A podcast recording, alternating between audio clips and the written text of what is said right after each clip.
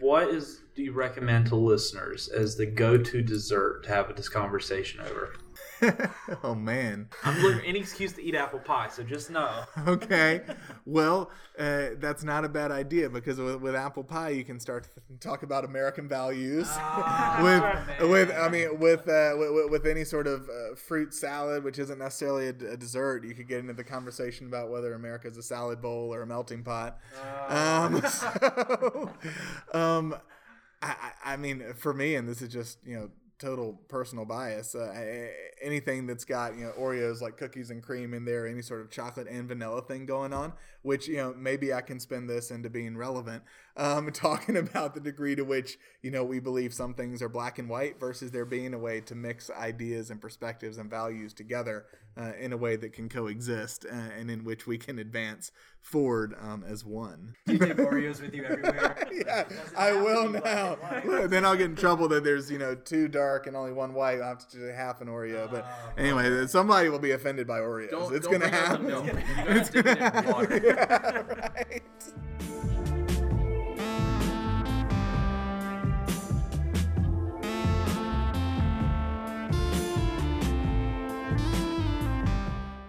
Thanksgiving is around the corner, and we're going to have to sit at a table around our family, whether we like it or not. And so today, I think we need a bit of a survival guide. And who better than Pearce Godwin? Noah, do you want to introduce our guest? Yes, Pearce Godwin is a Carolina alum, and he is the CEO and founder of the National Conversation Project. Pearce, welcome. Thank you so much. Appreciate y'all having me. Absolutely. To approach Thanksgiving, what's the sort mm-hmm. of mindset we should have before we sit down at the table?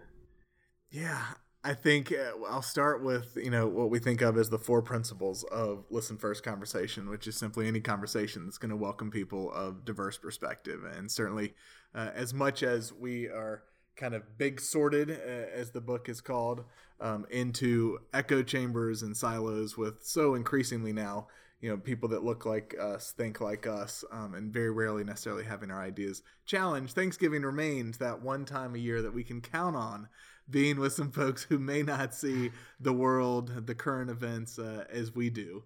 So, would suggest that we all go into those meals uh, with an intention to listen first to understand, uh, to be curious and open to learning, to suspend judgment and extend grace, and to which you know may take care of itself at Thanksgiving, but maximizing the diversity of perspectives that we have uh, at the table there with us uh, which can lead to you know a rich conversation or flying mashed potatoes, depending on depending on what you know the president may have tweeted in the hours leading up to the meal.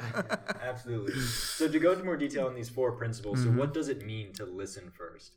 Yeah, I, I think it means you know coming with a degree of humility and thinking, you know what, when when I approach this conversation with you all, it's not just going to be to eh, demagogue your position to tell you how how ridiculous and misguided or even immoral you are to use you know my own favorite talking points of, of my respective side of a given issue but to truly have a conversation that connects the two of us um, not only relationally and as people as opposed to around our positions uh, but also in a way that you know leads to some you know discovery of common interest and common values which can uh, in every case uh, result in a conversation that, is more healthy and productive uh, in which we can move towards solutions towards problems that you know we can all agree on even if the solutions you know send us in very different directions so how would you say that uh, perhaps the growing of identity politics makes this harder to accomplish I, think it's been a tremendous challenge in that I am much more likely these days to take my identity um, in the tribe to which I've subscribed to. So some of this, you know, goes back millennia. This is very much a part of human nature, right? We're all looking for for belonging and community of some kind. And unfortunately, whether you're talking about, you know, sports or politics or religion, one of the easiest ways for us to bind with those around us is in opposition to some other um, right? To, to rally around our animosity for the other team, for the other tribe. Uh, so that's something that has, has made it really tough, I think, for us to listen first to understand, for us to even recognize the humanity in folks who may see the world differently. We're increasingly seeing folks as, as threats to be destroyed and enemies to be defeated, as opposed to fellow Americans, fellow Tar Heels, human beings worth understanding. So that identity, the fact that, you know, I find my identity in belonging to a group or even in my own ideology as opposed to something, you know, perhaps more fundamental and more transcendent um, is making it a, a, real challenge for us to have these conversations across differences today. Definitely. And it seems that, especially recently, it's become difficult to find these sort of common areas that we share with even our own family. Mm-hmm. So, what, what kind of factors or events do you think has led us to this point where the divide seems to be so large? Yeah, great question. If you ask uh, Americans uh, in survey research, they blame three major factors. None of these are a surprise. You know, what has caused this social polarization crisis?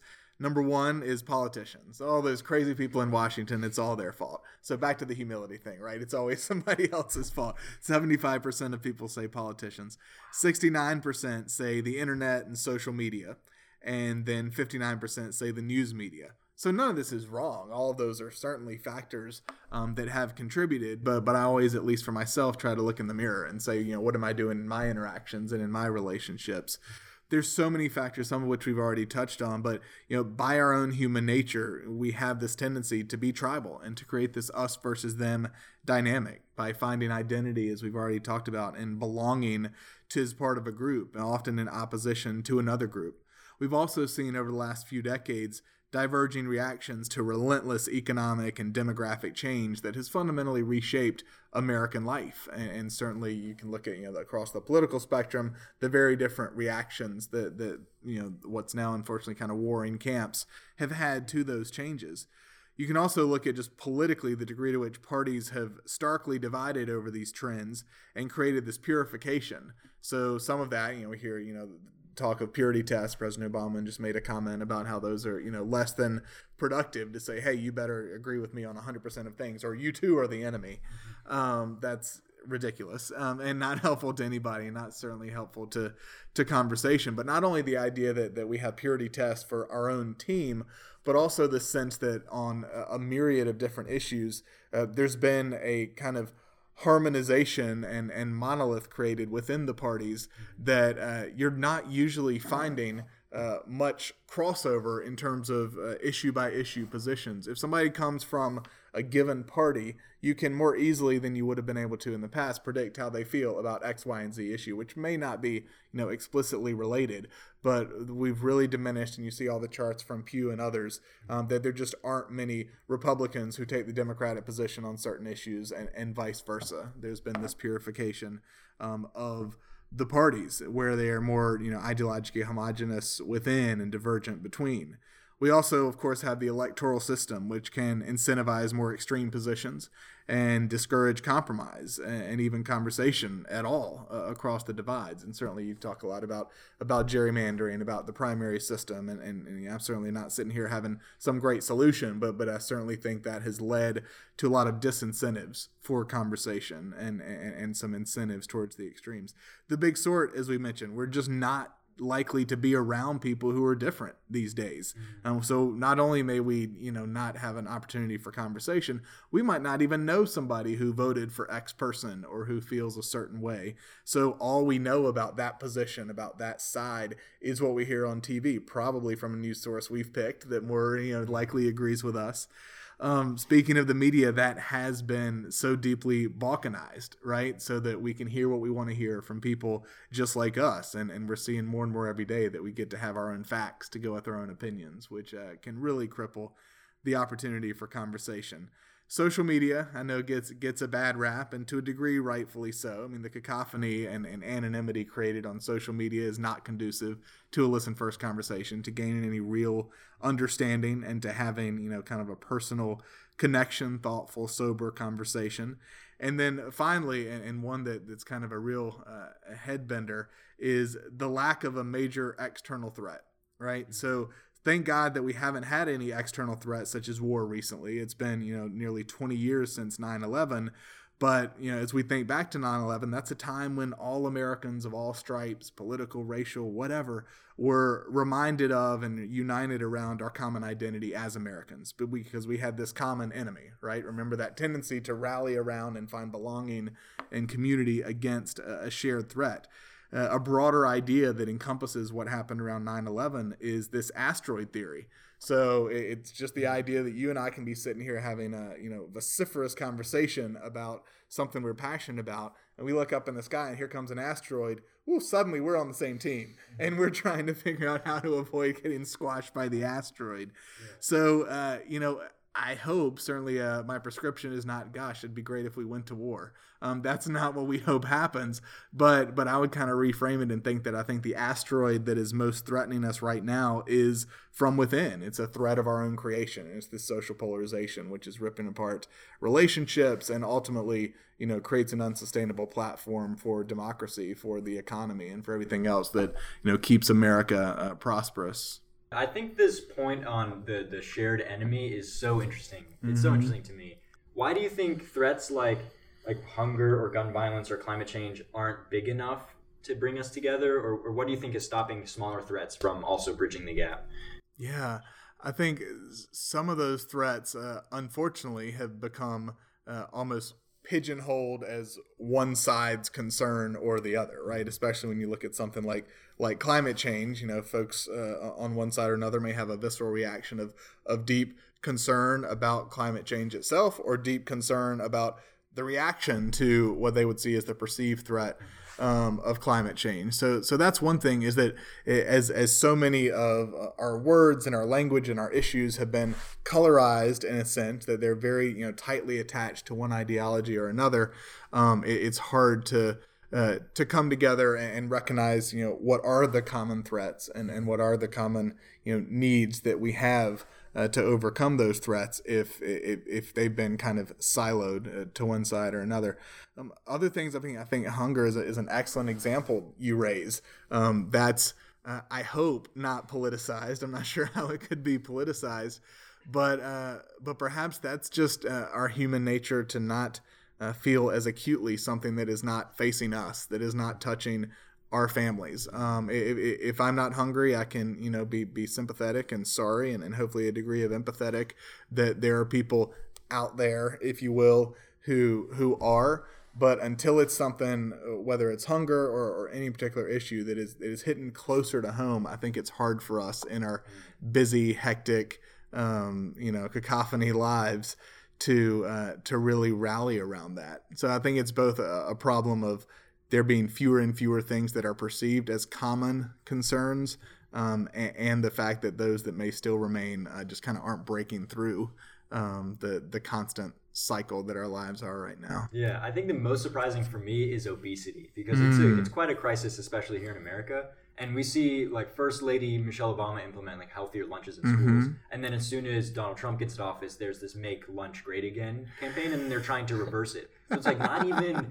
obesity in children is is nonpartisan. Like, oh that has man, to be divided in some way, right? It's, yeah, nothing is safe. Yeah, exactly. that's right. That's right. Does this mean it's more systemic? Because it, it seems like it's it's not even about the issues anymore. It's just like which side are you on? I, I think you're exactly right. Every everything that comes up that can even in some way shape or form uh, be positioned as as us versus them as good or bad as for or against um, we are, and, and I th- it's it's really you know kind of pathetic, but I think we're all kind of guilty to it. Um, w- before I say, "Oh, that's interesting," let me research that. Um, I may be more likely to try to you know take some signals from people who I know to be on my team, or from the people on the news who are commentating, who tend to have my position, and say, "Okay."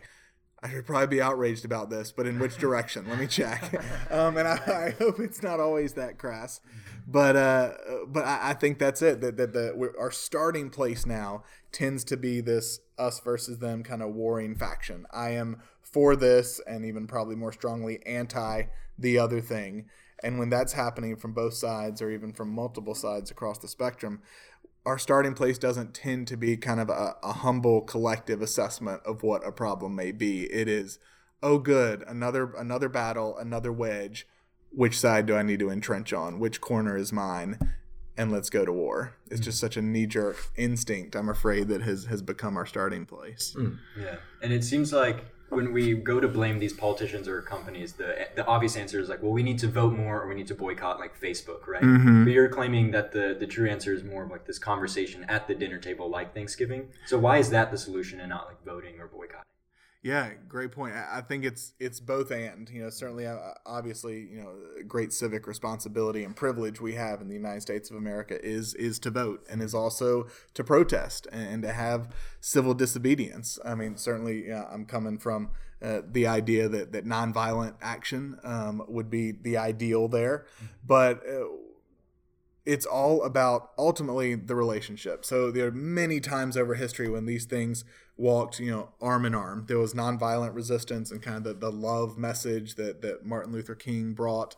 Um, and you also have seen over time the importance of taking really decisive, eye catching action to get attention and, and, and to put a certain issue on the agenda. Uh, but I would submit, while that absolutely has its place, um, I, I would suggest that at some point along that process, we can't, you know, make fundamental change in America unless some critical mass of folks across differences comes together and agrees. And you've seen that over history with uh, with folks, whether it be in the civil rights movement or other efforts. You know, sit down and have conversations with who ostensibly would be their their adversary uh, on a given issue. But it's it's when uh, some of those folks came alongside or at least maybe dropped resistance that we see you know the change happen. So i'm not here to say that, that conversation and, and building those relationship is is the only solution by any means but i think it's it's a really important foundational one that can then make even our protest and our work on the front lines of activism more effective. I always talk about the fact that you know listening first to um, understand is powerful in personal relationships where being heard and understood is a fundamental part of being loved but even on the front lines of activism. Uh, I would submit that listening first to understand can help us build broader coalitions, can help us gain a better grasp of whatever opposition is standing in the way of the mission that we may be particularly passionate about. So um, it's gonna you know benefit us and make us stronger. I think whatever posture we're taking in a given time. So it sounds to me like you don't um, view all of these actions as separate from each other. But when I'm certainly sitting down talking to my family eating turkey, I don't feel like I'm being an activist or I'm uh, creating a precondition to activism. Do you view this work that you're doing as activism?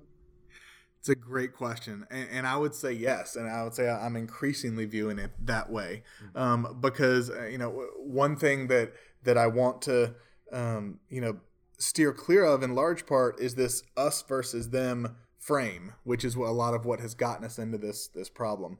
That said, I can acknowledge without making it personal that there are forces, including my own bad instincts, that are dividing us. And I think the work of coming together, as we've seen students at Carolina with PPE do, coming together and having conversations across differences is courageous, it's bold, and it's ultimately subversive because it is undermining these powers that are dividing us. And certainly as we come to, you know, 2020 and, and look at, at how things are transpiring, there are going to be millions of dollars out there that are intentionally seeking to divide us, seeking to rip our social fabric.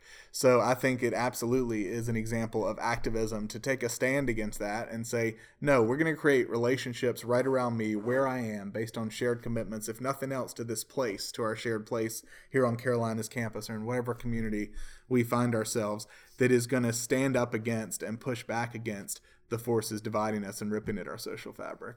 And you talked about the amount of money that's going to be inevitably dumped into politics. Mm-hmm. We're already seeing that dumped into universities, even our own.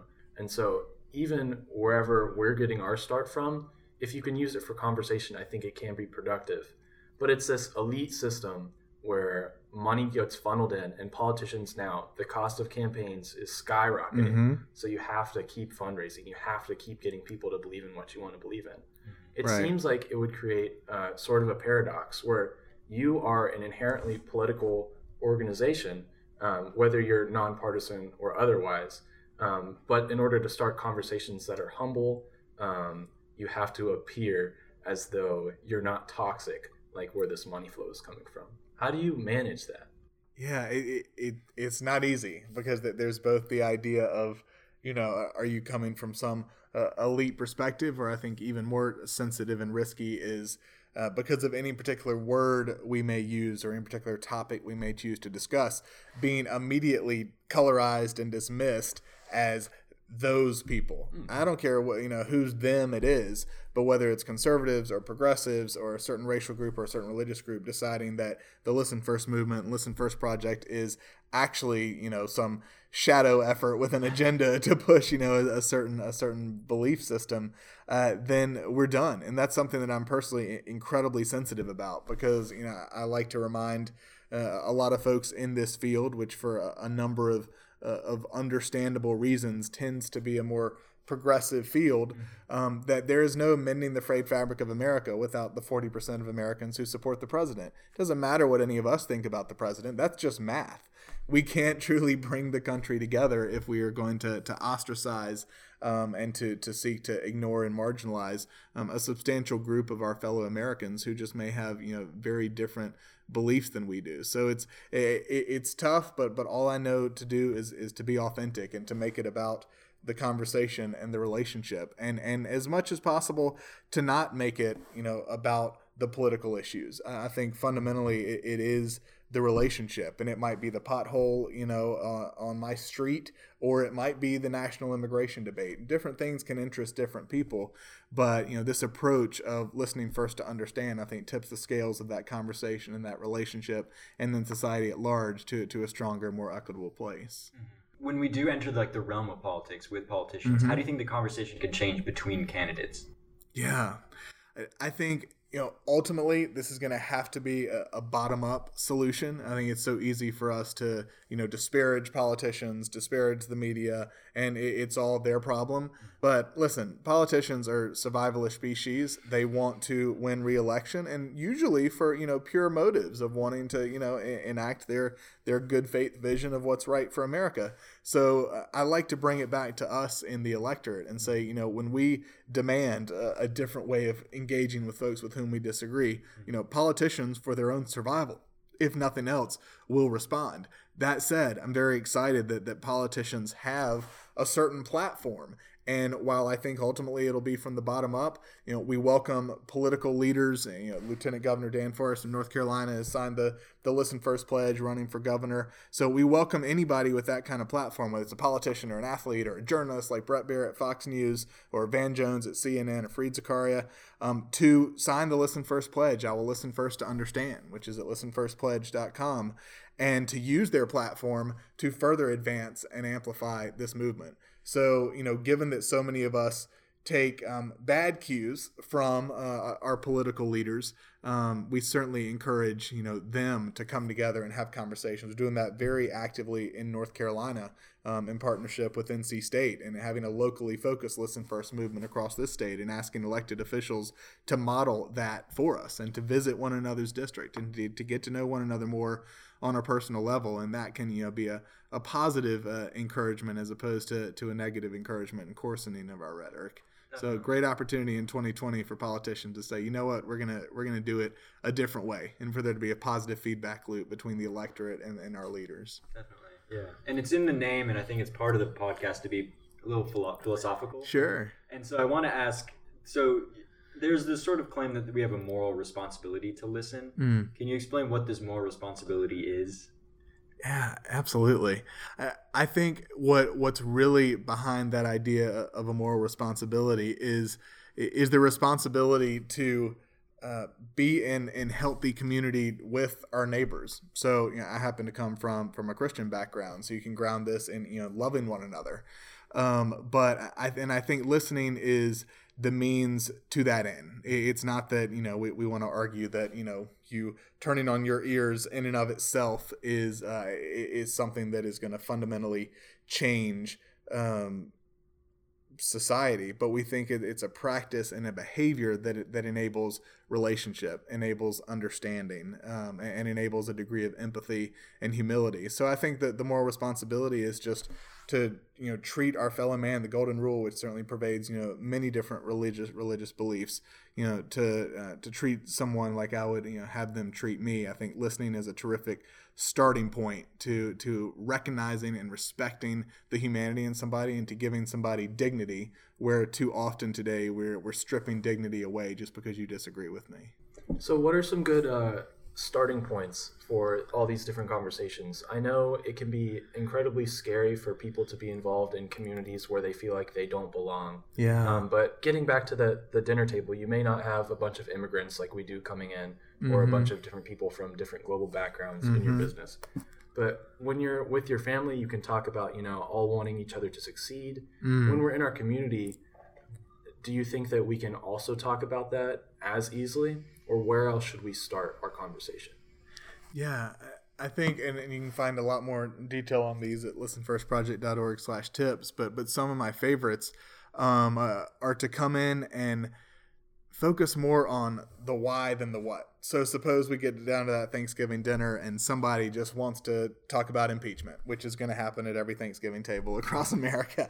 Um, and whether it's impeachment or immigration or foreign policy or whatever it may be, um, to try to understand what values and concerns uh, are animating somebody's beliefs and somebody's comments and, and to try to as much as possible you know back away from the the warring talking points that we may be hearing in the news and to focus more on the personal experience than the position. And, and ultimately all of that is is around an effort to cultivate more positive social connections. Because that's the only thing not an argument not a fact. Cultivating more positive social connections is what's going to ultimately shift our reasoning and our behavior um, around any of these issues, around the relationships we have. So as I step into that you know table for for the Thanksgiving meal, I think coming in with humility, coming in as we talked about earlier, with suspending as much of my own judgments as I can, and having a degree of curiosity instead of oh here we go, Uncle Bob is going to drive me up the wall. He doesn't had no idea what he's talking about.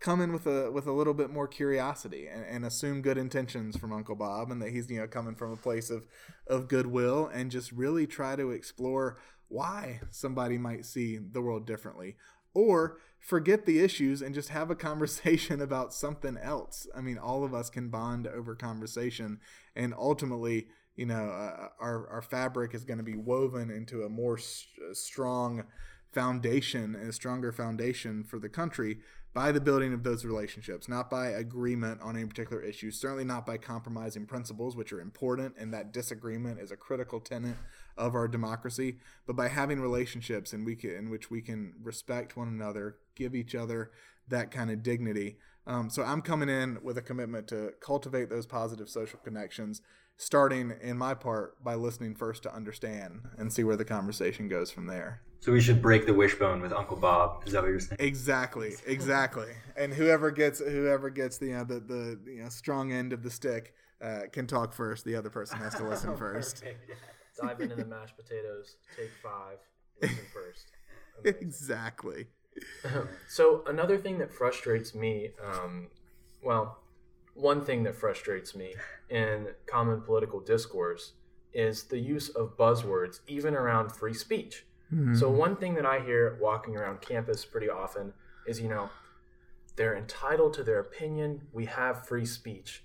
And it seems to me this argument is not actually giving any weight to the other side. It's just being used as a placeholder and saying, oh, I don't want to engage in the other person's ideas. Do you see this as a problem from where you're standing, or is it a more localized thing that people on college campuses like myself have to deal with? No, absolutely. I, I personally think there's a tremendous risk uh, in, uh, in in shutting down voices that we disagree with. Now, that that's not to diminish concerns around you know voices that that can incite violence, that can incite hatred or or, or, denigration of, of a group of people. Um, but I would submit that we've gone you know too far in many cases um, in not being willing to engage uh, controversial ideas and ideas that, that I may disagree with. I think you know the, the free market of ideas uh, has has worked fairly well over time, and that the more we can you know combat those with uh, our voice, but not by shutting them down. I don't know what that accomplishes ultimately. I, I fear that even when it's the the the dangerous voices that may lead to what I believe is, is across the line of conversation of listening first to understand, which is you know dehumanizing another person. Uh, even then, if we're not willing to engage it, if we're not willing to familiarize some of those hateful voices with the humanity of the people they hate, then they aren't going to disappear. they'll just go into their own little corners and, and fester and, and foment this division until they come out in, in broad daylight, as they did in Charlottesville. Um, so, and certainly I'm not suggesting that, that everybody, you know, should be or would want to be in a position to engage with those things, but, but I think in almost every case, um, to allow the airing of beliefs and then to defeat those you believe need to be defeated with better ideas not by canceling or just seeking to suppress their voice is going to be ultimately a, a, better and stronger outcome for society. Yeah, and I have a question more broadly about passion because people are passionate about like the Second Amendment or mm. about climate change, and a lot of times what we see is, like you said, these kind of fester and explode in, in these fits of like anger or however mm-hmm. you want to put it in debate in general. Mm-hmm. So how can we use this passion that we have for our ideals into like a more productive conversation? Yeah, I think what you just said is is exactly it. Let's let's you know not kind of. It, it feels like in a way wasting our passion if we're just revving up people around us that already agree with us, right? What what is that ultimately accomplishing? So I would I would take that passion and channel it um, in a way that can be productive to the ends that, that you're seeking. That doesn't mean screaming at somebody about why they're wrong, because I don't know of anybody who's changed their mind because they were screamed at and denigrated. Um, but but channel that passion into sharing, you know, what what is the genuine concern and the heartfelt you know beliefs you have behind that allow somebody to understand that. And oh by the way they'll be a lot more likely to listen first and understand you if you listen first and understand them. Um, so uh, I, I think the answer is to make sure that we are having the courage and intentionality to step outside of our typical groups, our own little echo chambers that already agree, and really change hearts and minds with our passion for whatever issue by engaging people that may not be as disposed to that belief from the starting gate. And in those conversations, we've got to have grace. We can't police what you know words somebody is using necessarily, um, because if we want to change hearts and minds, to bring somebody over, to persuade somebody of our own opinion, uh, it's got to be a, a, comfortable and a trusted place for them uh, to have that conversation without feeling like they are going to be denigrated just by engaging with us because our passion may you know uh, may get the better of us and, and shut down the conversation. Yeah so i guess the one question i have is at what point do you draw your limits with people where you're just you know i mm-hmm. mean you, you sort of you sort of like hinted at that like there are some people that are just not willing to even come to the table to engage but you know in talking to people is there ever a point where you find that somebody's just so overwhelmingly narcissistic and crude and annoying and like Uncle Dave just won't stop and you're just ready to eat some turkey and you're done with this that you just change the subject to something else. Absolutely. I think it's going to be a, a, personal decision for all of us. I'm certainly not suggesting that, that everybody listening to your podcast go and be a martyr over Thanksgiving and get indigestion. That's not helpful. It's not healthy. I think that would be a really crappy way to have a uh, have a Thanksgiving. In terms of you know what we suggest you know to Americans and, and to people around the world uh, at large, it's to err on the side of welcoming that conversation to err on the side as much as you know we can maybe stepping a little bit outside of our comfort zone um, to have those conversations across differences. The types of, um, of, of belief and rhetoric that that for me and for listen first project are over the line is anything that is dehumanizing another person. So certainly uh, abject racism and anybody who is um, who is being you know bigoted towards another person. That's not the same thing as a position. That's not the same thing as disagreeing. But if you're you know delegitimizing the, the humanity and the dignity of another person or a group of people, that's over the line.